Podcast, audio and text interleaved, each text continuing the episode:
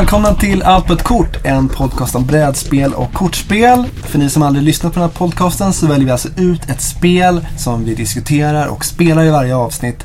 Den här gången så har vi lite av en eh, exklusivitet. Det är alltså Eldritch Horror som vi ska spela, som inte har släppts ännu. För om jag inte är alltför slarvig med att klippa den här podcasten så kommer den liksom tajma precis så att det här blir någonting eh, utöver det vanliga. Smoking hot. Smoking hot.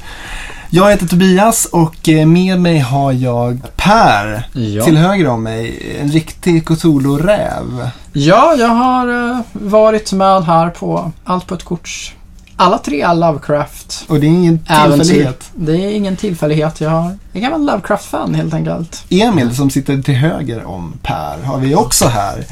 Som gör sin debut i det här avsnittet i podcasten. Mm. Eftersom eh, det här kommer vara en eh, exklusiv eh, specialavsnitt. Emil har ju faktiskt varit med tidigare men vi Men leker med tiden. Ja, tiden fram genom, genom avancerad svart magi har vi helt enkelt kastat om kronologin i inspelningarna. Exakt, så välkommen till podcasten. Ja. Tack.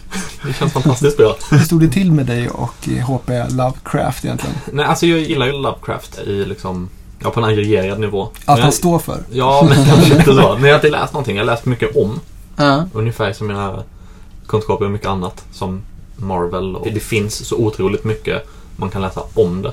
Mm. Så att, att läsa det faktiska materialet, det är så här, Den största delen av all Lovecraft-litteratur är väl inte av Lovecraft själv, eller har jag nej, fel? det tycker jag väl på ganska mycket av sig själv. Det känns som att det brukar komma ut enorma antologier med nyskrivna Lovecraft-skräckisar. Där någon lägger till någon ny liten läskig gud eller utforskar någon ny dimension av det.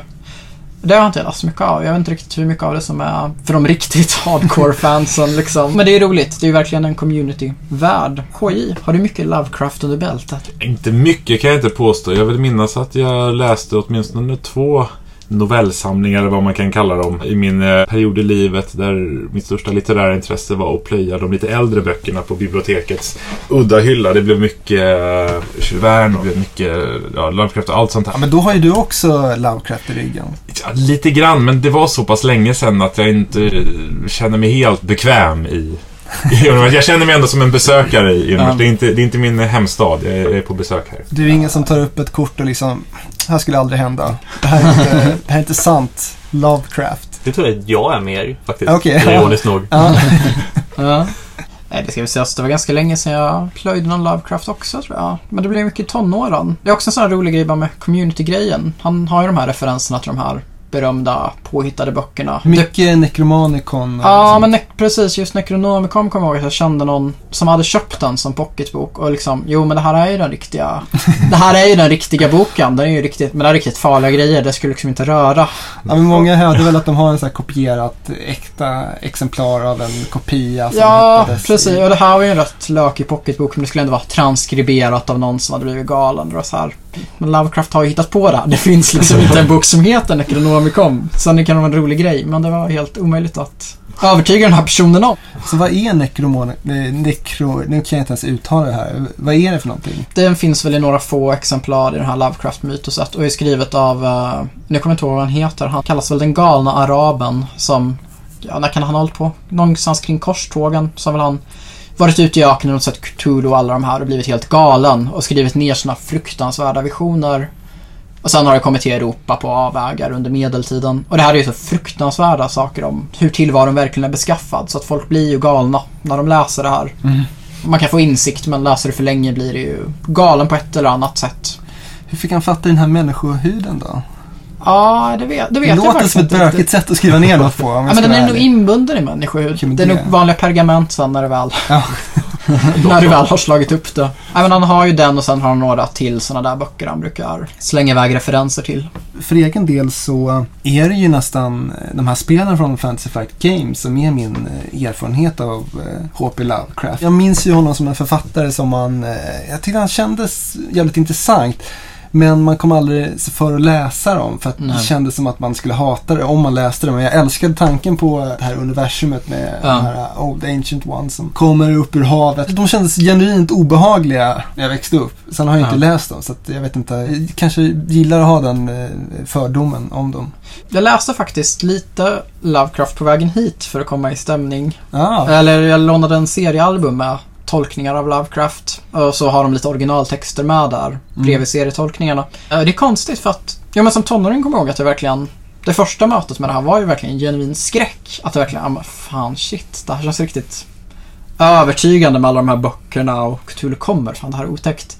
Men nu känns det ju verkligen, det kanske är alla de här Fantasy Flight Games-spelen och så, men det känns lite mysrys för mig nästan nu. Att man liksom fnissar lite åt hans otroligt tunga, ganska gammaldags språk också på engelska. Ja, det känns som att det skrivits 1820 fast det är 1920. Om vi hoppar till Arkham Horror istället. Ja, det. För det här spelet, Endritch Horror, är alltså en slags eh, spirituell uppföljare till Arkham Horror. Det här är alltså årets största release för väldigt, väldigt många. Arkham Horror har ju blivit en galen succé och jag tror att det är uppe i eh, nio expansioner. Och eh, det är ett väldigt, väldigt älskat spel. Så att det har varit väldigt spännande hur de ska följa upp det här spelet. De har ju gjort lite spin-offs, till exempel Mansions of Madness. Ja. Som lite är någon slags rollspelsvariant på det. Det finns en overlord som styr och ställer. Det som vi för övrigt också har spelat. ja, lyssnarna kanske kan ana det i framtiden. Förstå riktigt, riktigt hur fuckad tid och rymd har blivit här. Och det är därför Cthulhu är på väg. Vi har missat lite för mycket med, Precis. med tidsrymden. Och nu är vi här och försöker göra det bästa av situationen. Yes. Och även eh, Elder Sign som är ett eh, lite lättare slags eh, Yatzy-version nästan. man Ja, det har jag faktiskt gått med förbi. Men de har ju också det här Call of Cthulhu-kortspelen. Det får inte glömmas. Det är ett av de äldre Living Card Game-spelen som de har. Och eh, de har ju verkligen gjort de här spelen fantastiska. De är ju otroligt tematiska och Ja. eh, känns ju precis som du beskriver sådär mysrys. Ja, men det är verkligen det här New England på 20-talet i Ja, men Arkham lite rökig ja. jazz. Precis, lite jazzsångerskor, lite korrupta politiker, någon inavlad konstig man med en hagelbössa. Ja, man får lite film noir-feeling nästan Ja. när man är de här eh, avdankade detektiverna som ska försöka stoppa Cthulhu och hans kompisar. Eh, Så att de har ju verkligen gjort otroligt lyckade spel och det här, eh, ja, vi får väl se. Vanligtvis så brukar vi ju spela spel för första gången och eh, hela idén med podcasten är lite att vi spelar för första gången och berättar om våra intryck och eh, sätter fokus på spelomgången än att vi kanske analyserar eller recenserar ett spel. Men det här spelar vi alltså för andra gången förutom Per då som Yes. som provar på det här för absolut första gången. Och vi hade en jättelyckad eh, förhandsspelomgång här i eh, lördags på sju spelare. Så att vi körde väl upp mot sex timmar tror jag innan vi, Något sånt. vi bestämde oss för att nu måste vi faktiskt åka hem och kasta in handduken. Men det var en väldigt rolig upplevelse och vi fick smaka lite på spelet i varje fall. Så att eh, nu är vi jävligt redo. Mm. Eller vad säger du KI? Ja. Jag kan i alla fall ärligt erkänna att vi låg ju inte jättebra till när vi gav upp där. Det hade inte varit många rundor kvar innan världen hade slukats. Vi hoppas att vi har en större chans mot The. Ancient One den här gången. Då spelade vi mot den enklaste av dem, påstås i spelet i alla fall. Och det gick sådär. Och nu har vi valt att bifa upp det hela och gå på den, den stora noshörningen direkt helt enkelt. Jag tror vi har ju resonerat lite som så att det finns ingen skam i att förlora mot Cthulhu. Det är nästan en ära. ja, men lite så. Det är som att ha spelat hockey med Wayne Gretzky och förlorat. Det är som att ha boxats med Mike Tyson. Det är så här...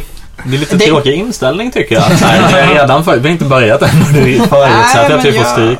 Alltså det får vi väl då, antagligen. Men ändå. Jag ska inte verka för det, men jag kommer inte bli förvånad om det händer.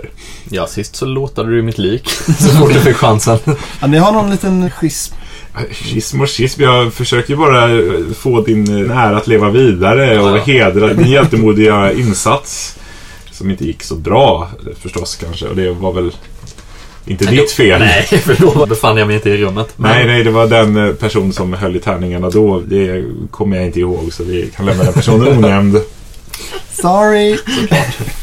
Ja, men hur skiljer sig det här från Arkham Horror då, spelmässigt? Det ska vi gå in på lite mer efter vi har spelat det. Men man kan ju säga att det är väldigt eh, förenklat. Det är mycket som har gjorts eh, smidigare. Mycket som har uppdaterats och och eh, mer användarvänligt. Det är, Arkham Horror i all ära men det är ju ganska mycket att hålla reda på. Det är mycket små regler. Ja, det är ett rejält baktungt spel. Det är ett fantastiskt Ja. spel men det är... Ja men verkligen. Det är ju regler hit och dit och särskilt om du blandar in expansionerna och nya spelplanen och Ja. olika Doom tracks och sådana här grejer. Och det det här gör är att verkligen koka ner det lite och göra det till ett spel som eh, de flesta skulle kunna plocka upp som har lite erfarenhet av eh, lite mustigare brädspel och eh, sätta igång. Mm. Det är ganska härlig äventyrskänsla också för man är i hela världen. Eller man försöker vara i hela världen.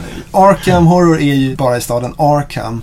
Så nu har vi hela världen inför våra fötter här. Vi har pyramider, vi har Antarktika, Sydney och Amazonas, allt möjligt som vi kan åka till. Ja, och hur spelar man det här nu då? Det är ganska likt Arkham Horror. Man ska alltså flytta runt sina investigators, man ska samla clue tokens, man ska stänga portaler, man ska slåss mot monster, man ska samla på sig utrustning. Så så långt är det ganska likt. Men till skillnad från Arkham så finns det mysterier här som man ska lösa. I det här fallet ska man lösa tre mysterier när vi möter Cthulhu och när vi har gjort det så har vi alltså klarat spelet. Och de här äh, mysterierna kan ju vara lite olika. Oftast är det att man ska samla clue tokens och försöka se till så att spelplanen inte spårar ut med portaler och monster och grejer. Och det här gör man genom att man flyttar runt sina investigators helt enkelt. Man kan förbereda sig, samla på sig tågbiljetter. Tåg och båtbiljetterna här är ju en liten udda sak. Man går normalt ett steg, men om det råkar finnas järnväg eller vatten mellan de ställena man vill gå så kan man ha köpt sig en biljett på sagda färdmedel och då få flytta två steg istället för ett. Precis, man kan manipulera gången lite på det där och man kan eh, försöka skaffa ny utrustning. Och i det här spelet så har man alltså inte pengar utan man gör ett skillcheck i influens för att se om man lyckas knipa åt sig något åtråvärt. Man kan också vila i det här spelet. Man eh, läker en hälsa och en eh, Ja, sanity, eh, ja jag vet inte. förstånd. Förnuft. Ja, och man kan också byta ägodelar med varandra och eh, så har alla karaktärer en unik action och man kan också få eh, olika kort som kan göra actions. Efter den fasen så får man alltså möta platsen man står på. Antingen så kan man möta platsen man är på eller också om det finns en liten sån här markör på platsen, till exempel ett sånt här clue token, ett förstoringsglas, så kan man ta ett researchkort till exempel. Och det har också dykt upp såna här eh, expeditioner som äger rum lite här och var i världen. Och går man till expeditionsmarkören så kan man alltså åka iväg på något konstigt äventyr. Och man kan också såklart eh, dra ett sånt här otherworld-kort när man kommer till en portal för att försöka stänga den portalen. Men innan man får göra det här så måste man alltså slåss mot alla monster som står på ens plats. Efter det så kommer en mytosfas och då drar vi ett mytoskort och det är då som monster och portaler och clue tokens dyker upp. Och det finns även någonting som kallas för reckoning som är en ganska obehaglig grej som aktiverar olika saker på spelbrädet. Monster och eh, Cthulhu själv har en egenskap att eh, om vi befinner oss nu då på havet och det dyker upp med sina reckoning, då kommer han lägga ut en Eldritch token. Och de ska vi passa oss för. För om vi förflyttar oss där det står en sån så förlorar vi en sanity och blir eh, försenade. Det är alltså Cthulhus eh, specialer specialare kan man säga. Han är ju en vattenvarelse Per. Ja, han ligger ju under havets botten i sin gigantiska stad där och vilar. Så mycket kommer jag ihåg från den gamla goda novellen. När stjärnorna står rätt så tittar han upp ur havet. Mm. Ja, vad är det han väntar på egentligen? Vad är det som sker när stjärnorna då står rätt? Ja, det är en bra fråga. Säkerligen finns det ju någon lyssnare som kommer rätta mig nu. Jag tror ju att han finns väl både i tid och rum och utanför tid och rum. Så jag tror liksom att hans kropp ligger Ah, i dvala. ja. Jag tror liksom det är väl då själen kan ta hans gamla monsterkropp i besittning igen. Mm. Och han kan lämna den här eh, staden som väl är beseglad med magi på något vis tror jag. Jag tror det är någonting i den stilen att det är under en väldigt begränsad liten utrymme han kan ta sig ut i världen igen och börja tugga på lite människor. Och, ja, vad han nu ska göra ute, jag vet Ja, inte. det är det som är liksom motivationen. Känns lite oklar för mig. Har han någon vacker egen agenda? Ja, tanken är väl att det som ska vara otäckt med de här monstren som är lite av Lovecrafts poäng, det är väl att de egentligen är rätt jävla likgiltiga för människorna. Som någon uttryckte att Cthulhu är inte mer en fiende till mänskligheten än vad du skulle beskriva det som en fiende till termitsläktet för att du liksom gör dig av med termiter om du upptäcker dem i väggarna. Mm. Exakt vad han sysslar med är väl lite oklart men han kommer nog ödelägga mänskligheten av bara farten för att den är lite i vägen eller helt enkelt ha den som snacks och kanske föda upp den som någonting att tugga på.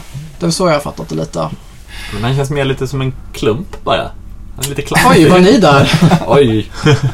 Det är slarvig liksom. Elefanten i porslinsbutiken. Ja, slarv Cthulhu. I'm so gonna tell you when it comes. Vi har alltså dragit ett eh, mysteriekort här och det har ju visat sig att stjärnorna står onekligen väldigt rätt till.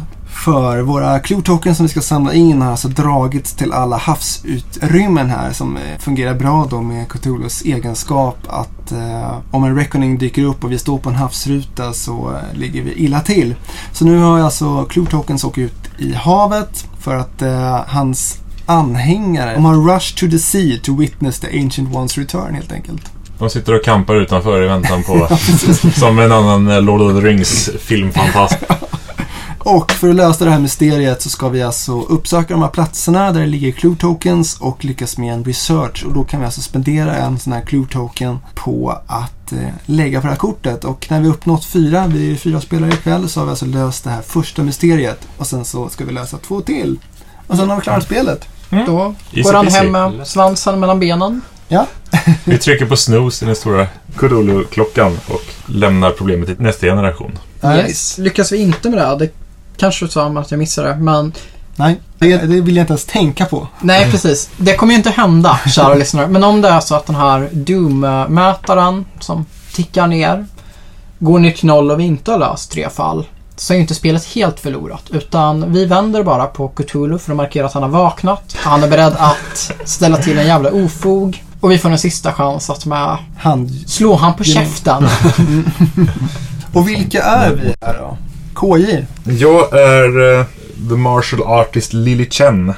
En eh, liten glad asiatisk flicka. Som har spenderat hela sitt liv med galna munkar som tror att hon är räddningen för världen.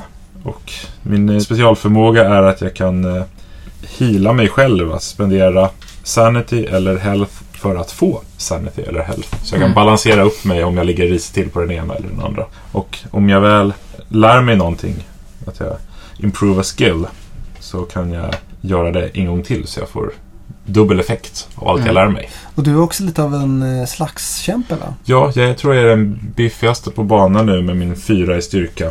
Ser så ut. Så jag hoppas kunna göra lite skada. Ja. Emil, vad Ja, har du där? jag har Diana Stanley. En favorit. The Redeemed Cultist. Vad, vad blir det på svenska? Omvänd kultist? Ja. Det låter inte riktigt lika snappy. Botgörande Ja, kultisten. den båtgörande kultisten. Uppföljaren till den flygande doktorn. Klockan tre på torsdag eftermiddag på fyran. Jag var redan rätt för mig. Det är över nu. Hennes backstory då är att eh, hon trodde att hon gick med i någon liten vanlig så här vanlig liten sekt men eh, har ju upptäckt att det är en supersekt då som eh, kallas för The Silver Twilight. Eller det visste hon väl från början antar jag. Annars Men är hon de- verkligen skamligt dålig. Ja, ja men hon trodde ju å andra sidan att det var en community organization. Det var bara en vanlig ta den här, ta den här huvan och kniven och välkommen in. Men hon har nu fått lite bättre koll på läget och tänker då jobba inifrån organisationen för att få Cthulhu på fall. Mm. Hon eh, har rätt hög lore och rätt låg will. Och du är ganska stark också. Du är Ja, ganska starkast stark. på plan. Ja, Mm. tre i styrka. Det är ganska bra. Ja. Det är alla de här tunga ljusen de bär omkring på. Och kniven antagligen. som sätter sina spår. Hon har en jäkligt finurlig förmåga att hon kan eh, slunga iväg kultister vart hon vill över jorden. Så länge de befinner sig på samma plats som henne. Ganska bra på att övertala. Du, chefen ringde. Du ska vara i Sydney nu. Mycket bra. Och sen så eh, reducerar hon eh, horror, skräck, Hon är lite avtrubbad kan man Ja. säga. Hon har sett som shit. Hon är enormt avtrubbad. Hon läser Necronomicon varje dag. Eller på tunnelbanan. Fantastiskt blasé är hon. Och så reducerar jag all skräckpoäng då till Ja. ett. Måste, nästan måste finnas i alla Lovecraft-spel så kan de ju bli vansinniga av bara åsynen av alla de här vidundrena som släpar omkring och har sig. Men inte du. du Inte jag. Eller jo, till slut blir jag väl det. Du blir vansinnigt trött. Vansinnigt trött. Du har sett så många tentakler. Ja, det går Ja, men- runt liksom. Per, vad sitter du på för spännande? Ja, jag eh, representerar Afrika på brädet här med Akachi Onyele. Som just nu befinner sig i Sydafrika, men hon är från eh, Nigeria enligt hennes bakgrund. Hon är schaman som eh, redan som barn upptäckte byn att hon var lite annorlunda. Hon umgicks mycket med eh, sina fantasivänner och så. Vilket fick någon att dra slutsatsen att hon var utvald av gudarna att eh, bekämpa ondskan. The Village Dibia stod det. Took her in och lärde henne att bli schaman. Alfons Åberg skulle ha varit schaman alltså. Ja, jag tror det. Och nu har hon vuxit upp till en eh, ung, lovande andlig krigare som eh, reser runt i Afrika om så behövs i andra delar av världen för att lära människor att försvara sig själva mot hoten från den andra sidan. Och eh, ja, hon är väl inte särskilt stark rent fysiskt och hon har inte särskilt mycket politiskt inflytande heller. Eller ja, köpkraft kanske man kan översätta det till. Vad hon däremot har är väl en ganska hög eh, sanity-poäng och väldigt hög willpower och rimligt bra lore. Hon eh, börjar med lite magi och hon är framförallt ganska bra på att hantera de här portalerna som slår upp som fula sår på brädet. Hon kan liksom gå igenom portalleken, titta på de två översta korten och förslagsvis ta det farligaste alternativet och lägga det i botten av leken och det andra ligger kvar. Så hon kan liksom hela tiden i någon mån manipulera hur illa läget kan bli ett par runder framöver. Och när hon stänger en sån här gate eller portal så har hon också möjlighet att flytta var som helst på brädet som en annan portal finns. Eller en sån här clue token finns. Så det är väl en liten bonus hon har när hon hanterar just den andra världen. Så om jag står för det andliga så står du för det betydligt mer materialistiska Tobias. Ja, det kan man lugnt säga. Jag är alltså Charlie Kane som eh, låter coolare än vad det är. Alltså, för jag är en ganska lönnfet gammal gubbe. Lönn och lönn. Ja. Med vit Fet skulle jag säga. Precis, okej. Här låtsas inget längre. En direkt fet man med en vit krans och en stor cigarr.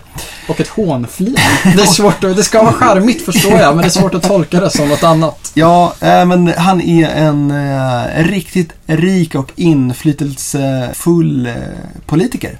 Som har bestämt sig för att innan han ska run for, var det president? Det Jag låter lite Nation- sjukt, National alltså. Office. Kanske vill ha mer makt än president. Det finns någon bättre post som inte vi dödliga känner till. Kan vara så. Cthulhu-posten. Ja. Det är därför han vill ha ihjäl the ancient one. Ja, jag känner att det annars en sån grej som avgör valet ganska direkt. Ja, jag spöar Cthulhu. vad, vad kan du visa upp i form av politisk erfarenhet? Om vi snackar krishantering liksom.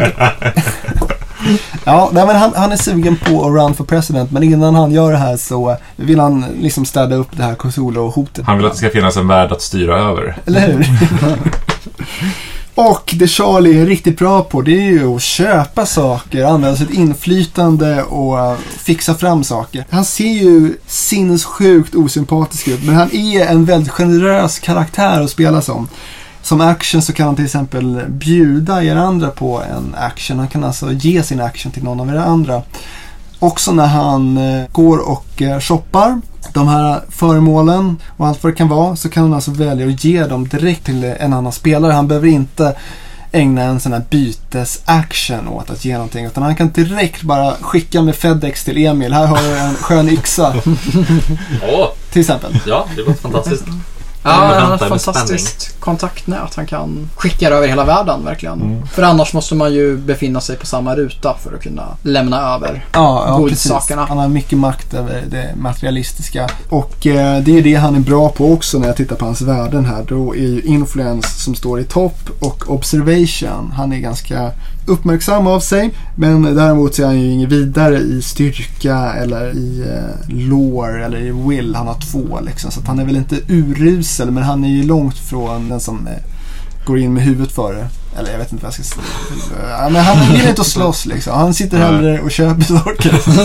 Han sitter och daytradar på Blocket. Precis, han kavlar upp eh, skjortärmarna. Men det är rätt mycket järnsubstans. Han, han, han har också seen some shit i sina Ja, dagar som politik liksom. Så att han har åtta i förstånd. Ja, du är nog Ja, det- stryktåligast på det mentala planet. Precis. Men mig inte på det fysiska. Nej, precis. Jag är ju väldigt eh, högt blodtryck och eh, fettman och allt det här. Så det är tufft. Kan knappt gå i trappor. Ja, men lite så. Jag har fyra stycken i hälsa. Så att, eh, Ja, ni du- får verkligen hålla koll. Jag behöver en Ja, livvakt med mig vart jag än går. Det är en hjärna av stål i en kropp av porslin Ja. Lite så. Och jag är ju i San Francisco nu. Jag tänker med de där tuffa backarna. Det måste vara skitjobbigt för Charlie. Och, Um, Han åker mycket limousin tror jag. Ja, det, det gör han Privatchauffören. Alltså. Ser väldigt obehaglig ut men är ganska sympatisk i själva verket. ja. Det känns som att vi har balanserat våra roller väldigt väl. Teoretiskt sett har vi ett bra utgångsläge här. Man kan också bara tillägga, i det här spelet, är det så att någon biter i gräset så är det ju inte så att man får sitta ut resten av spelrundan utan det finns en ganska stor pool på, vi har väl åtminstone åtta karaktärer till som kan komma in. Biter en av våra karaktärer i gräset så antingen är de liksom crippled eller så är de insane och är ute ur spelet och de kommer inte tillbaka men de ligger kvar på brädet och någon annan kan söka upp dem för att ja, i all välmening roffa dem för deras sista ägodelar och Och de kan lära sig någonting av det här. Och, Precis, och vad var det som gjorde den här personen galen? Ja, Kanske ja, kan man precis. få lite värdefulla insikter. Mm. Precis, det är en väldigt rolig mekanik. I gamla Arkham då hamnade man ju på dårhuset helt enkelt. Och Ja, så fick man läka obruk- lite och sådär. Just Vilket det. eh, i och för sig, nu är man ju lite porslinsdock och sådär. Man är ganska skör liksom. Särskilt jag. Ett intressant sätt att göra det mer tematiskt. Ja, ja, precis. Man kanske slänger in en soldat liksom eller man testar att skicka in en uh, ytterligare en akademiker om man tror att det är det som spelet behöver. Så man får lite möjlighet att ändra strategi. Mm. Mm. Spelar man sina kort riktigt dåligt kan man ju dock bli devoured. Något av Cthulhus underhuggare bara äter upp karaktären och då, då finns det ingen hjälp att få för den. Japp, men eh, nu räddar vi världen tycker jag. Det är lika bra att börja. Eller? Är ni? Eh, Ja, ja, ja. Hur redeemed är du? Jo, men Jag är ju enormt redeemed. Jag tycker jag får många gliringar för det här. Uh, men det är väl bara känslan att när Cthulhu vaknar så är du den enda som bara Tjena! Tjena Cthulhu, fan, ska du ha en öl? Jaha, här har du lite snacks. Jag, jag tog med de här. De här lättlurade dårarna. Ja, ja, men det betyder ju ingenting. Annat än att det- jag har det gött oavsett. Du vill hålla dina options öppna. Det- Ja, ja men precis. Lika bra att ha luvan. Ja men eller hur? Mrs. Jag trodde bara det var a community organization. Ja, exakt. Men får jag fråga, vad tror de här kultisterna händer när Cthulhu vaknar? Tror du att de på något sätt får en plats jämse Cthulhu? Och- Det är, fan, det är svårt att säga eftersom de är väl alltid, alltid ganska galna människor. Så han helt ärligt i Lovecraft-noveller. Det blir väl lite bättre när han är lite äldre kanske men jag vet inte hur man löser det i Lovecraft-mytoset idag men man ska ju inte glömma bort att Lovecraft var ju en rasistisk galning. Så det är väldigt mycket svarta stamfolk som tillber Cthulhu för att de inte vet bättre och liksom frigivna slavar i det otäcka södern som går runt och har ogudaktiga ceremonier. Det skulle ju aldrig falla Lovecrafts hjältar in och faktiskt prata med de här människorna och liksom, fan hur tänker du då? Vad, är det en bra grej att släppa lös den här tentakelvarelsen på världen? De är lite beyond reason i hans världsbild redan från början. Ja, då kör vi det här äh, rasistiska eposet. Sorry, stämningssänkare kanske. nej, nej men alltså, eh, nu har jag inte läst Lovecraft men det känns som att de här spelen verkligen tar det bästa ur hans... Ja men det är precis, de har gjort en fin tolkning. Jag tycker det är ju ett roligt urval av karaktärer. Mm. De har ju en roligare sammansättning än Lovecraft själv som ju nästan bara har neurotiska akademiker. Män från överklassen liksom. Det är väl det jag har lite svårt för då. Får jag säga. Du vill ha det här rasistiska... Ja, jag vill ha, jag, jag vill ha rasismen mer. Eh, nej, men jag, jag, jag tänker mig, alltså. Det är ju ett väldigt fint spel och det är ju väldigt roligt, det lilla jag spelat. Men det jag kan sakna det är ju liksom Ska man nu göra Cthulhu-mytoset, men gör det liksom ordentligt. Gör det läskigt, gör det skräckenjagande. Det är ju mysrys liksom. Och det är inget fel i det, men om man ska släppa ännu en andlig uppföljare med män i hatt som skjuter på bläckfiskmonster så skulle man kunna göra det lite mindre action och lite mer psykologisk resa. Sen vet jag inte hur man skulle göra det med någon stor bläckfiskmyt eller kanske man höjer upp. Och rasism då, såklart. Men nu måste vi börja spela, annars blir det alldeles för sent. Ja.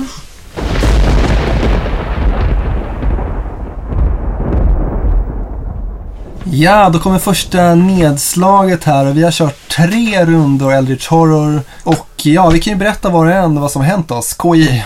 Ja, eh, jag började ju i eh, Shanghai och knatade direkt upp till Tunguska för ett litet exploration-äventyr som gick väldigt bra. Och jag hittade en, en gammal bok som gör att jag, om jag kan vara villig att bränna lite hjärnkapacitet så kan jag lära mig saker. Och det kan ju vara kul. Aldrig fel. Aldrig fel. Och sen nu travar jag på mot London, den värsta hopen monster är för tillfället. Jag har lyckats köpa på mig två stycken 45er. Jag hoppas kunna göra lite skada och rädda eh, stackars Emil, för var befinner du dig?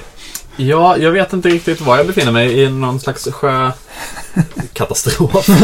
skulle man väl kunna säga. Eh, Sjökatastrofen som aldrig slutar ge. nej, precis. Jag kan ju säga hur jag började. Jag var ju i Panama. Jag hade inte mer än landat förrän jag tog mig till Arkham. Och kände hur det sög i uh, grottutforskartarmen.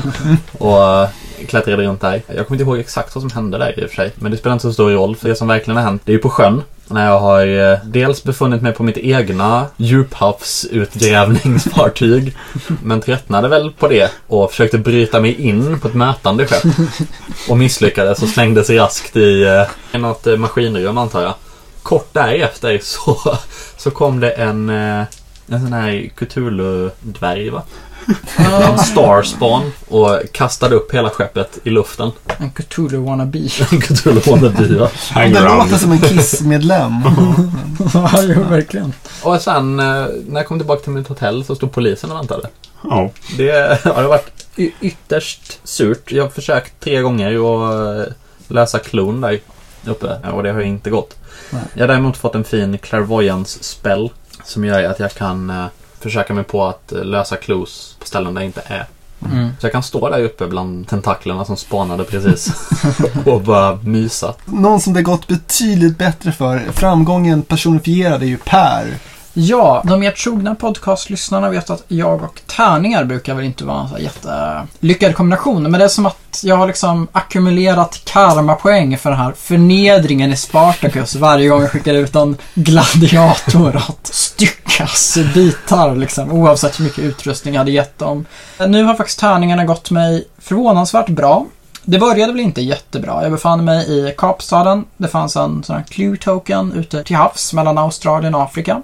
Det inleddes väl lite dåligt med att det dök upp en Deep One ur vattnet, kanske. Föga förvånande när man letar spår efter Cthulhu. Den första fighten förlorade jag. Men Sen när jag hängde kvar så kom det ännu fler Deep Ones. Och jag fick då rulla på den här Observation Skill. Jag misslyckades men bestämde mig för att bränna min enda Clue Token för att ändå i ett desperat försök hoppas på att lyckas. Och det gjorde jag mot all förmodan. Ja, jag, På min enda tärning. dig skarpt här. Ja, jo. Du fick äta upp. Ja, jag kammade hem en grotesk statyett och sex nya Clue Tokens, allt som allt. Den innehöll många mustiga hemligheter. Ja, verkligen. Det var många belöningar där. Nu befinner jag mig väl i... eh, Ja, vart är jag egentligen? Är det Indien? ja, någonstans i Indien tror jag. Någonstans i Indien, eh, icke namngiven stad, där jag också hittade en Clue Token. Vad var det som hände där egentligen? Ja, det var en töntig kultist som dök upp och ville öppna en dörr. De höll på med någon ritual. Kom häng med här. Ja, de, hade jag misslyckats så hade de lite kryptiskt sagt You would have been incorporated into the ritual. Men det blev inte så, utan jag sköt skallen av kultisten. Eh, så att vi har väl kommit ganska nära att lösa den första av de här mysterierna. Du kom halvvägs på egen hand här. Ja. och Tobias, du har också... Din politiker har haft en väldigt äventyrlig helg. Ja, i San Francisco. För jag har inte rört mig särskilt långt utanför stadens eh, ramar. Jag började med att eh, besöka något fängelse. Jag vet inte om jag hoppades på att få någon så här politisk goodwill. Lite Johnny Cash kanske. Jag turnerar Klappa barn och skjutsa fångar. Ja, men så att jag åkte till Alcatraz och sen så fick jag höra på en sjukt jävla obehaglig historia. Så att jag, eh, liksom, Flippade? jag flippade. Det var något roligt formulerat. Det var Hysteric fit va? en hysteric fit, precis. Ja, så att det började väl inte allt för bra. Jag har försökt köpa saker men tärningarna bara spottade mig i ansiktet och eh, jag har ju liksom inte haft råd med någonting förutom en liten whiskyflaska som jag tröstköpte på någon bakgata här för några omgångar sedan. Som du har tagit rediga klunkar ur. Ja, precis. Jag har ju till och med en personlig assistent, jag vet inte om jag nämnde det, som hjälper mig med att shoppa. Men trots det här så har det blivit en skrump, en liten whiskyflaska. Däremot så träffade jag en eh, privatdetektiv. Som du antastade tills han lärde sig dina yrkeshemligheter. Ja, precis. Han bjöd på lite godbitar där så att jag har faktiskt stigit i min observationsförmåga till fyra. Så att jag har lite vassare ögon. Sen så här nyligen då så jag drog upp till Alaska mot en Clue Token. Och där så mötte jag en samling ungdomar som jag bara tyckte, fan de här är, jag känner hårda Deep One-vibbar av det här. här måste jag undersöka. Så jag hamnade i någon slags slagsmål med dem och vann. Eh, Ö, ni där, vad är ni för några jävla amfibier? Fan, vad glor ni på med fiskögon? Jag ska lära er. Så att mirakulöst så spöade jag upp dem och eh, fick en ledtråd som jag satt på det här kortet. En ledtråd kvar bara. Ja, Och vi vet att de inte hade röstat på det i alla fall i det kommande presidentvalet. precis. Alaska är inte mitt jurisdiction liksom. Där kan jag bete mig som ett riktigt svin. Det är bara Sarah Palin-folk där ändå alltså. Precis. Så att eh, det har väl flyttat på hyfsat. Ja, mytoskorten har varit inte allt för elaka mot oss ändå. Nej, och Per har liksom Per har jobbat på framgången riktigt uppe. bra. Och jag hoppas kunna göra någon nytta det närmaste draget och rensa upp i London. Men det är en eh, rejäl monsterexplosion i London. Ja, Det känns som att det kan ju knappt vara en välbevarad hemlighet i den här världen att Cthulhu är på väg. För det verkligen väller ut zombier och mm. eländesmaskiner av diverse slag. Och du är ju en riktig stridsmaskin nu KJ, eller hur? Ja, nu en beväpnad med pistoler, en Lucky Rabbits foot och en eh, beskyddande amulett. Så tänker jag dyka in guns blazing på eh, Londons gator och förhoppningsvis rensa upp lite grann och rädda den stackars eh, omvända kultisten som sitter och fryser i ishavet och inte vågar komma hem riktigt. Ja, det är en riktigt uh, sugig spot där ute faktiskt. Ja, nu har det ju kläckts lite portaler också. Ja, precis. Det har dykt upp lite flera sådana. Men än så länge ligger vi på plus känner jag. Ja. Ja, vi äventyrar vidare.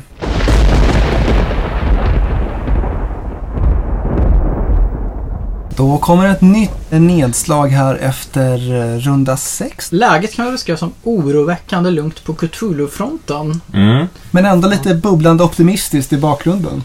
Ja, jo, det kanske inte är så mycket oroväckande lugnt som Cthulhu ligger otäckt stilla och tar ovanligt mycket stryk. Jag vet inte vad han har planerat. Har eh, två av tre Cthulhu-mysterier är lösta. Det andra blev precis löst. Mm. Och- Tobias som stod ute i havet och kravlade upp på den här fina stan vars namn vi inte kan uttala ens. Nej, vi har lite olika varianter men eh, alla som har läst Lovecraft vet att tungvrickarnamn är väldigt hett. Förmodligen Mm. heter det inte ens Cthulhu heller, jag vet inte. Ja, min eh, gubbe han har varit effektiv här. Han Mm. har ju, sen eh, vi sist såg honom så har han dels fortsatt haft problem med gäng. Han hamnade i någon slags gängkrig där igen i San Francisco. Och använde mitt politiska inflytande. Jag ser mig framför honom hur han liksom bara Grabbar, hörni, kan vi inte snacka? Jag har en whiskyflaska. Carl Bildt i någon form av östfront här. Står och skriker i megafon, sluta bråka. Ja, precis. Och eh, för det här gjorde de mig en tjänst som jag nyttjade till Emil. Mm. Det var whiskyn du skickade dig. Ja, precis. Jag fick eh, Fedexa ett föremål som jag ägde. Ja. Och eh, Emil fick min whisky. Mm. Det är ju mycket tacksam. Whiskyn i det här spelet eh, räddar ju en från vansinnets brand. Eh, Precis som i verkligheten. Ja, precis. Ja, om man förlorar sanity så kan man alltså ta sig en slurk whisky och sen så är man tillbaka på två igen. Yes. Och jag har ju eh, åtta i sanity i förstånd då, så att det kändes mer akut att kanske Emil fick det som har lite mindre. Som är lite Som har sinnessvag. svaga, precis, har det där svaga sinnet liksom lätt att haka på olika grejer. Ja, to liksom. be fair, du gick med i en dödskult. Jag vet inte, du, du har lite... Ja, men jag trodde att det var någon form av community ju. Kan vi släppa det här nu? Och sen så dök ju som sagt det här nya mysteriet upp. I eh, Söderhavet någonstans. Ja, i Söderhavet. eh, Den här eh, öppningen till eh, Röli-dimensionen. Ja, Eller Cthulhus man- gamla hemstad liksom. Ja, Cthulhu. Town. precis. Och eh, jag drog dit lite sådär eh, friskt vågat tänkte jag. Min gubbe har ju ändå skaffat sig en liten revolver och eh, han har fått en liten plus i observation. Så att jag kände att eh, han var redo, han var mogen för att ta sig an det här eh, andra dimensionen. så att han åkte dit och eh, när jag kom dit så var det någonting som påminde om en dröm. Och sen så utforskade jag det vidare och hittade en eh, dold eh, kammare med massa konstiga glyfsymboler som jag eh, tydde. Och eh, fick eh, klart för mig hur äldre Elder Things en gång eh, i tiden eh, fångade Cthulhu i den här staden då. Nästa omgång så var jag tillbaka och då var det ju hundratals av sådana här deep one, sådana här otroligt obehagliga monster som eh, plötsligt dök upp ur vattnet där jag står. Och eh, för att eh, förstå vad de här sa då, så var jag tvungen att använda min observationsegenskaper och min lore-kunskaper och eh, kunde till slut erinra mig det här språket och eh, klura ut vad de hade i görningen. Så att eh, jag lyckades lösa det här mysteriet. Jag är fruktansvärt stolt. Jag hade extrem tur med tärningarna. Det var helt sjukt. Jag rullade en tärning och fick success och sådana grejer. Så att, eh, jag känner att jag har gjort mitt nu grabbar. Mm. Nu vill jag bara shoppa vapen och hålla käft resten av spelet. Ja, men tärningslagandet har ju gått extremt bra jämfört med hur det brukar vara, tycker jag. Och jag vet inte, jag har ju inte en riktigt lika fantastisk historia att, att berätta. Nej, jag måste torka en tår faktiskt från kinden här. Pappa Kane. Pappa Kane alltså. är Pappa Kane en... eh, president. Det har blivit lite av vårt valspråk här. Ja. ja, alla vet vad de röstar på. Nej, min eh, Lily Chen, hon har hoppat lite in och ut ur London tack vare Pappa Kane. Don't mention it man. Och röjt upp ganska så hårt bland de monster som var där. Och sköt av större delen av huvudena på zombiehorden. Men sen lagom när Emil bröt sig fri från Norra ishavet och kom för att ge en hjälpande hand så blev jag ju tyvärr ivägdragen till Bermuda-triangeln. Av någon inte helt förklarbar anledning. Så att jag befinner mig nu någonstans där i sagda triangel. Och lämnade London helt i Emils händer i hopp om att de skulle vara kompetenta. Och det var de ju också. Ja, det får man ändå säga. Tycker jag. Det var ju en eller två halta zombies kvar i den här zombiehorden som du hade lämnat. Men eh, det blev en riktig sån, eh, vad var väl Per som sa, en eh, sån här gräsklippare-massaker. ja, jo men det kändes lite som den här Brain Dead av Ja, Peter Jackson. du Nej. moppade upp dem ganska hårt här. Ja, nej det var, det var väldigt härligt. Men innan det, för att gå tillbaka lite. Pappa Kane kom ju inte helt till eh, den här tungrika staden av sig själv.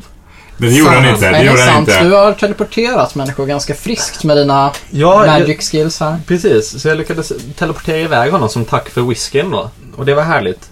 Eh, och precis som i eh, verkliga livet så lyckades jag då böja tiden. Och fick en action till. Det Tvärtom. det. Du, du skickade iväg Per först. Ja, först Per. Precis, du har gjort eh, mycket teleporterande här. Så du var med om att lösa en annan ganska pressande situation när Cthulhu försökte göra oss alla vansinniga. Det hände, men, men det var något konstigt rykte i Bermuda-triangeln som var tvunget att lösas av någon. Ja, man var Och tvungen mest kompetent var, var vår schaman. Ja, man var tvungen att bränna lite clue tokens. Och eh, jag befann mig för tillfället i Tokyo, ganska långt bort från Bermuda-triangeln. Men eh, du teleporterade mig dit. Ja, så att det. jag kunde lösa det innan det hann bli ett allvarligt problem. Ja, med lätthet. Konspirationen. De hade lite eh, konstiga rykten men du kom dit med hårda fakta och sa så här är det. Sluta jönsa er. Dra upp byxorna och skaffa ett jobb. Så är det. Och så, så var det med den saken. Ja. Fan, du borde skriva korten KJ. Ja, och av bara farten så eh, lyckades jag stänga en eh, portal också. London är fritt. Någon är fritt. Efter det har du lite britter, skratta och jönsa som man gärna gör ett par minuter efter en zombie. Ja, ja, precis. Då gick jag och lyssnade med luvan uppdragen över öronen. Jag kunde väl kanske bara dragit ner den, tycker man. Men det ville jag inte. Så då var jag tvungen att eh, observera och det bestämdaste och lyckades väl urskilja den här orden. Och eh, de lät väldigt, väldigt bekanta. Och jag lyckades erinra mig då att det, det är någonting som jag har läst en gång i tiden. Och tänkte ännu lite hårdare, tänkte jag. Och så kom jag på, just det, just det. Det var ju det här. Och då stängdes gaten. Det var fantastiskt. Det var en riktigt epic moment. Hela den här turen var ju Mm. riktigt epic. Mm. Ja. Ja, nej men eh, det har väl gått bra alla runder sen vi pratade sist. Jag fick väl den sista cluen till den första utmaningen då. The Stars Are Right. Nu befinner jag mig i Arkham där jag har passat på att ta tillfället i akt och shoppa lite. Jag har tagit ett stort banklån för att köpa mig en magiker som jag kan ha under armen. Joe Labero i fickan. Precis. Målsättningen för nästa runda är att bli skuldfri för jag känner att, som Göran Persson sa, den som är satt i skuld är icke fri. Och jag tror det är ännu mer sant i en värld där Cthulhu finns. Så målet är väl att nästa runda blir skuldfri igen och eftersom det finns en sån här portal i Arkham tänker jag utnyttja min karaktärs specialförmåga till att trimma portalleken lite och få fram någonting som är så hanterbart för mig som möjligt. Som verkligen ligger i linje med det jag är duktig på. Och gärna någonting med magi eftersom jag själv är ganska kunnig i det och dessutom just har min magikerkompis med mig. Jag tycker vi har hittat våra roller eh, rätt bra i det här spelet. Liksom pappa känns som en generös kille. Eh, Jag köpte väl någon eh, magibok till dig? Ja, just det. Det också. Ja, Som du bjud- suktat efter sedan dag ett. Ja, länge suktat efter den. bjuder på lite resor och nu så visar han att äldst vet bäst liksom åker och röjer Mm. mysterier. Nej, jag vet inte. Jag hade tur som fan. Tärningarna är på pappa Kanes sida. Även Jag oddsen känner tar mig det. förbannad som pappa Kane. Jag måste sluta. Nej men även den här eh, väldigt användbara grejen att du kan ge bort en handling till någon annan har ju varit en riktig guldgruva. Det är jävligt schysst att bara kunna ge det till någon som en bättre behövande själ helt enkelt. Jo, precis. Men det är...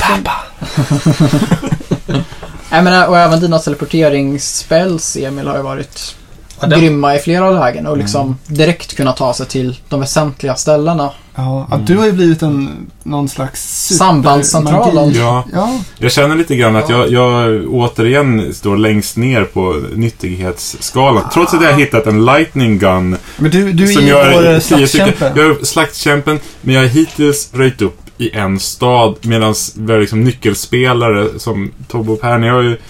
Pappa. Ni, ja. pappa, I'm sorry pappa. Ni har ju med support från Emil lyckats med två av de tre vi behöver för att klara uppdraget. Och jag har mest jönsat runt vid sidan av känner jag. Som, Men det känns ju mer som lite oflyt att du sögs iväg till Bermuda och blev... Ja, en av Cthulhus Ja. senaste hyss liksom. Ja, det, Han- det, det känns som att jag, jag gör minst nytta och hoppas... Du rensade ju upp i Ja, London. jag köper, det jag köper inte riktigt den beskrivningen. London har varit den mest monstertunga staden och du dödade Ja. liksom två personer i ett svep. Ja, och slog jo, ner en jo, halv jo. zombie-mobb på egen hand. Men mot det slutgiltiga målet känns det inte som att så viktigt. Så jag hoppas kunna göra lite nytta nu på det, mot det Ja, här och jag tror tredje. du, det här är du trimmad för. För det här uppdraget, Cthulhus underhuggade The Deep Ones, som ju är de här läskiga amfibievarelserna som är ganska stryktåliga. Nu börjar det bli fara och färde. De har börjat förbereda en invasion på land helt enkelt. Så runt om i världshavet nu ligger det och plaskar massa counters som antyder att Deep Ones är på väg att förbereda en invasion. Och vi måste väl eh, slå tillbaka minst fyra av de här och efter vunnen fight bränna en clue token. Har vi gjort det fyra gånger så har vi definitivt fått ner Cthulhu. Och det är väl det svåraste uppdraget hittills. Dels för att Deep Ones är ganska hårda. Eftersom det är överfall så måste man slå ner dem i ett enda svep. Eh, De ligger inte kvar på brädet och samlar skada som mer bofasta monster gör. Och sen måste vi ha clue tokens som är ganska Mm. slitiga i sig att fånga. Så jag tror vi kommer behöva Emils teleporteringsskills och KIs vapen. ja, många heavy Mm. hitters. Jag tror på det. Verkligen. Det gäller bara att jag samlar på mig någon clue tokens, något jag hittills inte haft i hela spelet. Det har inte jag heller haft faktiskt. Men det, men det är ju ganska... Pappa har allt, men han har ingen... Inga, inga clues. No clue. Det är ganska lätt att hitta de här deep ones också, för det är bara ett enda ställe på hela världshavet, vad jag kan se, där de inte befinner sig för tillfället. Och det är i Antarktis, där vi har ett hemskt rykte som ligger, som vi måste ta hand om innan all utforskning är förstörd och vi förlorar spelet därav. Ja, ja, det är ju någonting vi måste lösa. Jag tycker vi dyker ner i vattnet efter Deep Ones helt enkelt. Ja.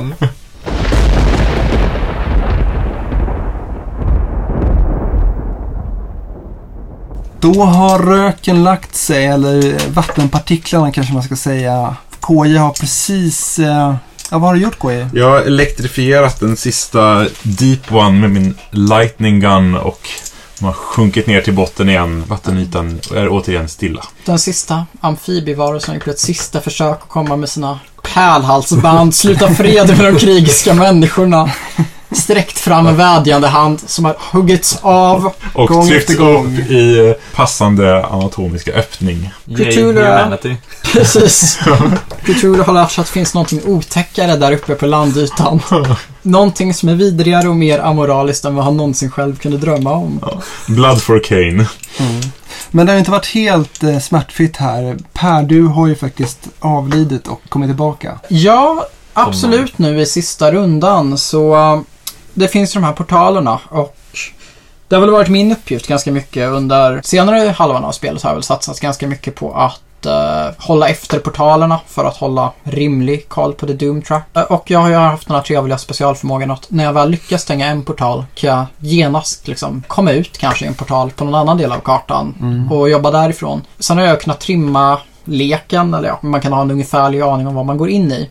Nu använder jag det här tricket för att eh, vi var tvungna att bli av med en portal som KJ var på och eh, jag hade lite otur. Hittills har jag liksom bara fått grejer som har varit ganska mycket kring hjärna och um, lore, magiska skills. Och det är ju någonting som uh, min shaman har ju hittills också liksom. Jag har ju fått slå på saker jag verkligen har kunnat. Så kände jag att jag var fan. Det här är en portal som måste stängas för att inte Doomtrack ska ticka på. Då får jag dra a blind one. Jag hade en helt absurd dröm i min egen barndom. Där mitt barndoms jag blir fruktansvärt skrämd för mig. Varför min pappa kommer in med ett hagelgevär. Och eh, det är liksom mina förhandlingsskills först med det här lilla barnet som barkar åt helvete. Sen kommer min drömpappa med ett hagelgevär. Jag har inte styrkan att vika undan hagelgevärsskottet. Jag tar hela sex i skada.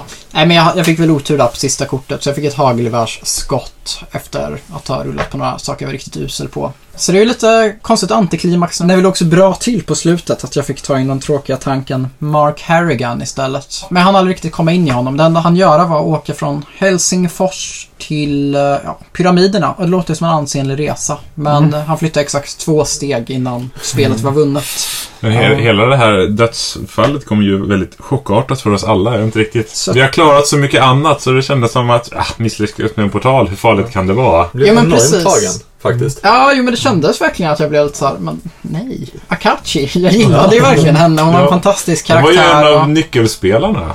Ja, man får någon konstig relation till sin gubbe. Alltså, man känner att hon ändå är en spirituell fighter liksom. Som verkligen kan det här med att gå in i andra världen och meja. Men eh, ta ett hagelgevärsskott i bröstkorgen kunde hon inte och jag kan inte klandra henne. Nej. Vi är stolta över dig Akachi, där du Mm. ligger nedvänd i uh, Tokyo. Och Emil, du var upptagen eh, för fullt med att flytta runt pappa och gänget. Ja, jag teleporterade runt friskt. Ja, det var faktiskt en otroligt bra egenskap så här eh, i slutet när det började kloggas igen här och var av eh, Deep Ones som låg ute.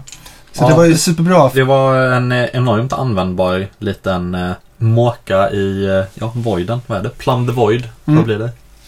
Avloppshantering i tomrummet. Ja, med med det. Nej, jag vet inte. Den var eh, grymt smidig och jag hade väldigt många spells här som kom till, eh, till nytta. Tack vare då Papa Kane. som, eh, som skickade den här Arcane Tomen som gjorde att jag fick ta en, en ny spel varje gång jag vilade. Så jag kunde blessa mig själv och ja, ha det Mm. gött helt enkelt. Och pappa själv då? Han har varit uh, i Sydney. Hängt med tvivelaktiga typer. Det var någon sjuk historia med någon pistol som han beundrade. Ja, just det. Polisen har beslagtagit den av någon tvivelaktigt element och bara ger den till Charles Kane. Så här, Ja. Jag ser att du gillar den. Om ingen annan vill ha den, kan du ta den? Ja, det är, det är en underbar avsaknad av polismoral. Jag skulle vilja läsa en historia om bara Papa Kane. Och han var också uppe i vildmarken i Australien där och träffade någon eh, En liten galen- walkabout där. Ja, precis. En gammal eremit som eh, hade sett massa galna eh, Cthulhu-visioner. Crocodile Dundee, helt klart. Ja, någon slags eh, outback-snubbe som var sjukt galen men gav ändå en ledtråd. The man is insane but his stories prove accurate. Hur man nu testar det. Ja, precis. Och pappa låg inför dödens eh, rand här också. Vi fick ju ett ganska elakt mytoskort.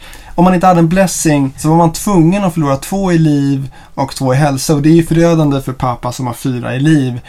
Och eh, när det här hände så hade pappa tre då. Så att, eh, Det var tufft. Men på slutet så ryckte han ändå upp sig. Jag lyckades lappa ihop mig själv och begav mig ut för att slåss. Mm. Men eh, KJ, you beat me to the punch. Ja, du har dödat Deep One som det inte fanns någon morgondag av det. Ja, det visade sig vara min specialitet tydligen här mot slutet började sparka rumpa som att det inte fanns någon morgondag, vilket du inte hade gjort om jag inte hade sparkat sagda Nej. rumpa. Så Precis. Helt rätt filosofi. ass had to be kicked. Dirty amphibians. Ja. Mm. Ja, tack vare min kraftiga bepansring med eh, min lightning gun så har jag seglat på de sju haven och gjort processer kort. Men jag gjorde det inte ensam. Eh, Jag ska inte ta åt mig all ära här. Det var väl bara två små grisar jag klippte. Emil, du tog väl hand om två var det Jag väl? tog också två. Ja, så vi tog hälften var där ja. Ja. Vilket väl har gjort att vi har delat upp eh, alla de här otroligt. uppdragen mellan oss. Otroligt harmoniskt känns Mm. det som. Det har varit Mm. clue-samlande, det har varit lite um, hänga i en psykedelisk stad och komma överens med tentakelmonster över en flaska whisky. Och det hugga huvudet av tentakelmonster.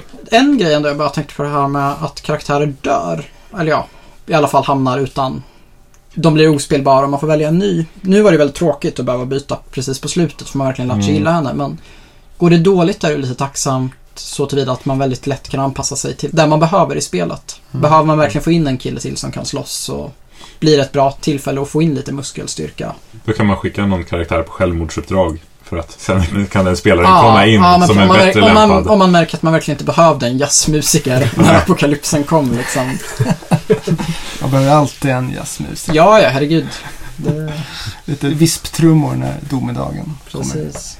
Ja, nej, men eh, en eh, riktigt lyckad spelomgång. Doomtrucken eh, höll ju på att eh, gå ut här i slutet då, men det kändes ändå som att vi hade det under rätt så bra. Ja, Det var väl lite lagom svettigt liksom. Vi Ja. kom ner på tre Doom Tracks kvar var vi. Två tror jag den hamnade på precis i slutet. Men det, Ja. vi hade ju ändå lite motmedel beredda. Det fanns saker man kunde köpa. Och Mm. Pappa Kane kan ju köpa vad som helst. Så, så det kändes ändå lugnt. Och vi, Ja. så att, Alltså jag vet inte om vi ska, alltså Pappa Kane, jag, jag tycker ändå det var en ganska misslyckad handling från Pappa Kanes sida. Han har fått vissa viktiga små saker men det har varit mycket fönstershopping från Pappa Kane. ja, jo, han lyckas inte alltid. Det gör han inte. Nej. Och sen har han tagit ut det på stackars oskyldiga halvamfibiemänniskor.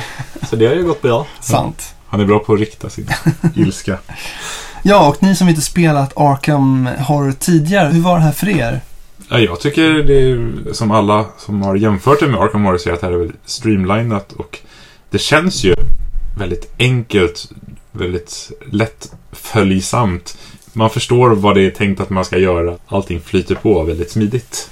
Säger du? Jo, absolut. Och jag, jag tänkte framförallt på att det var så oerhört engagerande även fast det kändes som att vi hade kontroll över eh, Doom-tracken Mm. i slutet. Om man tänker andra co-op-spel, det de hänger upp sig på det är att det ska vara superstressigt hela tiden. Jag tänker typ Ghost Stories som Mm. är så andan i halsen rakt igenom. Mm. Pandemic har ju också den tendensen mot slutet. Men här, det är så tematiskt och det drivs framåt av helt andra drivmedel om man säger så. Mm. Så att man har ändå en känsla av eh, nära förestående Doom. Mm. Liksom. Sen var det li- lite roligt att mycket av co-op-elementen kom senare i spelet. När du fick din teleporteringsmöjlighet så blev det ju ett väldigt, ja men jag skickar dig dit och sen gör du det här och så och Nej, men jag tycker verkligen en lyckad samarbetskänsla och om eh, jag ska jämföra det här med Arkham Horror då, som vi var inne på lite i introduktionen av podcasten så är ju onekligen det här att det är otroligt mer lättillgängligt och eh, streamlinat hela spelupplevelsen. De har tajtat till allting på ett väldigt bra och effektivt sätt. Bara hur de här mytoskorten fungerar är otroligt mycket enklare än i Arkham Horror som är någon slags, man börjar längst ner till vänster så tar man det översta. Och eh, jag gillar också hur man gör mytosleken, hur man skräddarsyr den utefter vilken Ancient One som man har valt. Och det är ju också någonting som är unikt i det här att eh, när man kommer för att plocka upp en clue token så är det en encounter. Man tar inte bara clue token utan man behöver förtjäna den. Mm, mm. Och de här researchkorten, de är ju helt unika för vilken Ancient One det är, vilket gör att det känns otroligt mer tematiskt. Ja, här var det ju väldigt mycket tentakler i vattnet. Ja, precis. Och det tycker jag är riktigt läckert hur de har gjort det ännu mer tematiskt. Och jag var skeptisk till det här till en början, att man tagit bort pengar, att istället är en skill check som man gör i ett reserve istället för att gå till Ge Old Magic Gift Shop som man gjorde i Arkham Horror eller en General Store och köpa olika vapen så gör man den här skillchecken liksom som kan vara djupt otillfredsställande också med ett här väldigt smidigt system. Man eh, rullar och sen så köper man ett kort som man har råd med. Ja, det är väldigt smidigt att det inte är just pengar det handlar om utan inflytande som Det kan vara pengar eller ja, hota någon med en pistol eller bara snacka till sig någonting. Ja. Men det är ju också rätt logiskt om man vill ha en arcane tome att man inte går till liksom stadsbiblioteket och fixar den. Eller till Ye Old Magic Gift Shop. Utan man får liksom fixa den lite shady under bordet någonstans. Mm. Och det kändes ju också som att eh, samarbetsdelen fungerade otroligt bra. Många av de här förmågorna som man har är ju för att liksom hjälpa varandra. Mm. Och just det här med att man kan göra två actions funkar också väldigt smidigt. Och sen har de ju helt tagit bort det här med att eh, i Arkham Horror ser om du stöter på ett monster då kör den fighten direkt och avbryts din movement och det är en fight till the death. Det här är ju en combat attack och man kan flytta sig från rutor där monster står på. Och det gör att det hela känns mycket smidigare. Också i Arkham Horror, där rör sig monster. Alla monster har olika symboler och de rör sig beroende på vad det är för mytoskort. Och då rör de sig antingen en vit sträcka eller en svart sträcka. Och är det ett flygmonster så attackerar den om någon står utanför någon stad. Annars åker den tillbaka till reserven och eh, väntar där. Så det är mycket mer små regler. Mm. Men saker som är bra med Arkham Horror som jag kan sakna i det här, det är ju faktiskt att det finns en hel uppsjö med helt galna expansioner. Där det finns otroligt mycket att ta ifrån. Det finns flera olika spelplaner och alla korten till platserna är ju en extrem variation på som jag kan sakna lite det här. För det händer ju faktiskt några gånger i spelet att man får shuffla om leken och börja om. Vilket var fallet i grundspelet Arkham Horror också. Men har man expansionen och sådär så vet man att det är en extrem variation och det kommer ju säkert komma massa... Det är bara en fråga om tid. Ja, det kommer ju komma massa expansioner till det här också. Men i nuläget så man började känna igen kort, inte bara från den här omgången utan från förra omgången också. Mm. Det är svårundvikligt liksom. De kan inte ha många kort som helst i det här. Man kunde bjuda på lite tärningar. Lite tärningar. Fler tärningar. När man, när man får att man ska slå nio tärningar och det bara med spelet följer fyra, då, då känns det lite fattigt. Som inte ens är standard size. Nej, de är rätt små. Stor besvikelse på tärningarna. Ja. Annars så håller det ju faktiskt bra kvalitet komponentmässigt. Ja, helt klart. Helt klart. Absolut. De har också snålat lite på Old Ancient Ones. Det är fyra stycken som följer med. Men i och med att alla har så här specialkortlekar med separata researchkort så är väl det ganska förståeligt i och för sig. Mm. Det är ju väldigt uppbyggt för expansioner med nya Ancient One och nya karaktärer. Det här kommer att pågå i många år tills de släpper nästa stora Det variant. tror jag definitivt.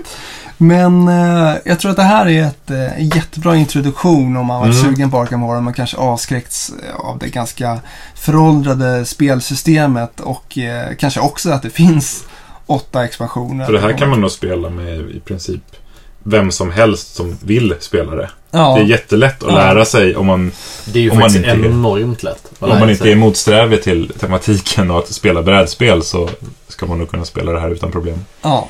Jag har ju inte öppnat regelboken kan jag säga. Men jag tycker ändå att det hänger med ganska bra. Nu har ju Mm. visat en del men det är inga oklarheter i sig. Nej. Eh, väldigt lätt. Och sen så gillar jag också hur de har gjort med de här condition-korten som man kan få och även spells. Att eh, man vet inte riktigt vad som kan hända om man blir av med dem eller om man får en condition och eh, tvingas göra en skill check. För man får vända på baksidan och där kan man få en riktig kalldusch om man har otur. Mm. Och eh, jag gillar den spänningen och eh, det enkla spelsystemet. Att inte veta vad som händer första gången man kastar en spell. Ja. Det här kommer att bli bra och det kanske blir något annat. Dör alla andra monster på rutan också eller får jag samma smäll eller vad? Och när, man, och när man sitter med liksom fem, sex spells så är det så här, vilken gjorde vad nu? Och när? Alltså hur högt måste jag slå? För att det är ju olika effekter Mm. beroende på hur många successes man slår då. Ja, jag gillar det också väldigt mycket. Jätteintressant. Ja, under förra spelomgången här, då fick jag ett sånt här Dark Pact-kort. Och det visade sig vara otroligt nasty när jag väl misslyckades med det. Då fick jag ju helt enkelt välja en spelare som skulle försvinna bort ur spelet. Så att jag gillar den ängsligheten när man sitter på en sån condition. De skiljer sig ändå en hel del de här spelen, men det är samma grundtematik och eh, jag tycker de har lyckats hitta en bra nivå för det. Mm. Fyra spelare, väldigt lagom mängd Ja. spela också. Ja, precis. Det kan vi också säga att det här kändes ju mycket mer luftigt och ledigt än sju spelare. Mm. Mm. Bra spel. korta sammanfattningen. Nej, men det här är ju det är ju ingenting man skulle tacka nej till som förslag för en spelkväll. Orosmålet är väl kanske längden, men jag tyckte Mm. ändå att det, det blev en ganska stor skillnad nu när vi körde fyra stycken och kunde spelet mer. Längden är ju helt och hållet beroende på kunskap och eh, antal spelare. Precis, för omgångarna går ändå ganska raskt alltså. Ja, och det känns som att man vill ha en, eller nu talar jag för mig själv, men det här är ju en mycket mer tematisk upplevelse. Alltså det är ju mer en berättelse Mm. än någonting Mm. annat. Och det finns andra co-op-spel som kan ta hand om den med en så här korta, ja men Mm. Ghost Stories. Som sagt, Mm. det är ett fantastiskt spel. Det går ju Mm. på 40 minuter. Mm. Så det kan man spela på vardagar. Det här är perfekt för så här helg. Mm. Mysrys tycker jag var ett Mm. riktigt bra, riktigt bra ord. I övrigt kommer man ju... Jag kommer drömma mardrömmar ikväll. Känns som det. Om pappa. Om vara där. Blood, blood for pappa. Blood for Papa. Ja, det var allt för den här podcasten. Vi tackar för oss och eh, hoppas att vi ses framöver här.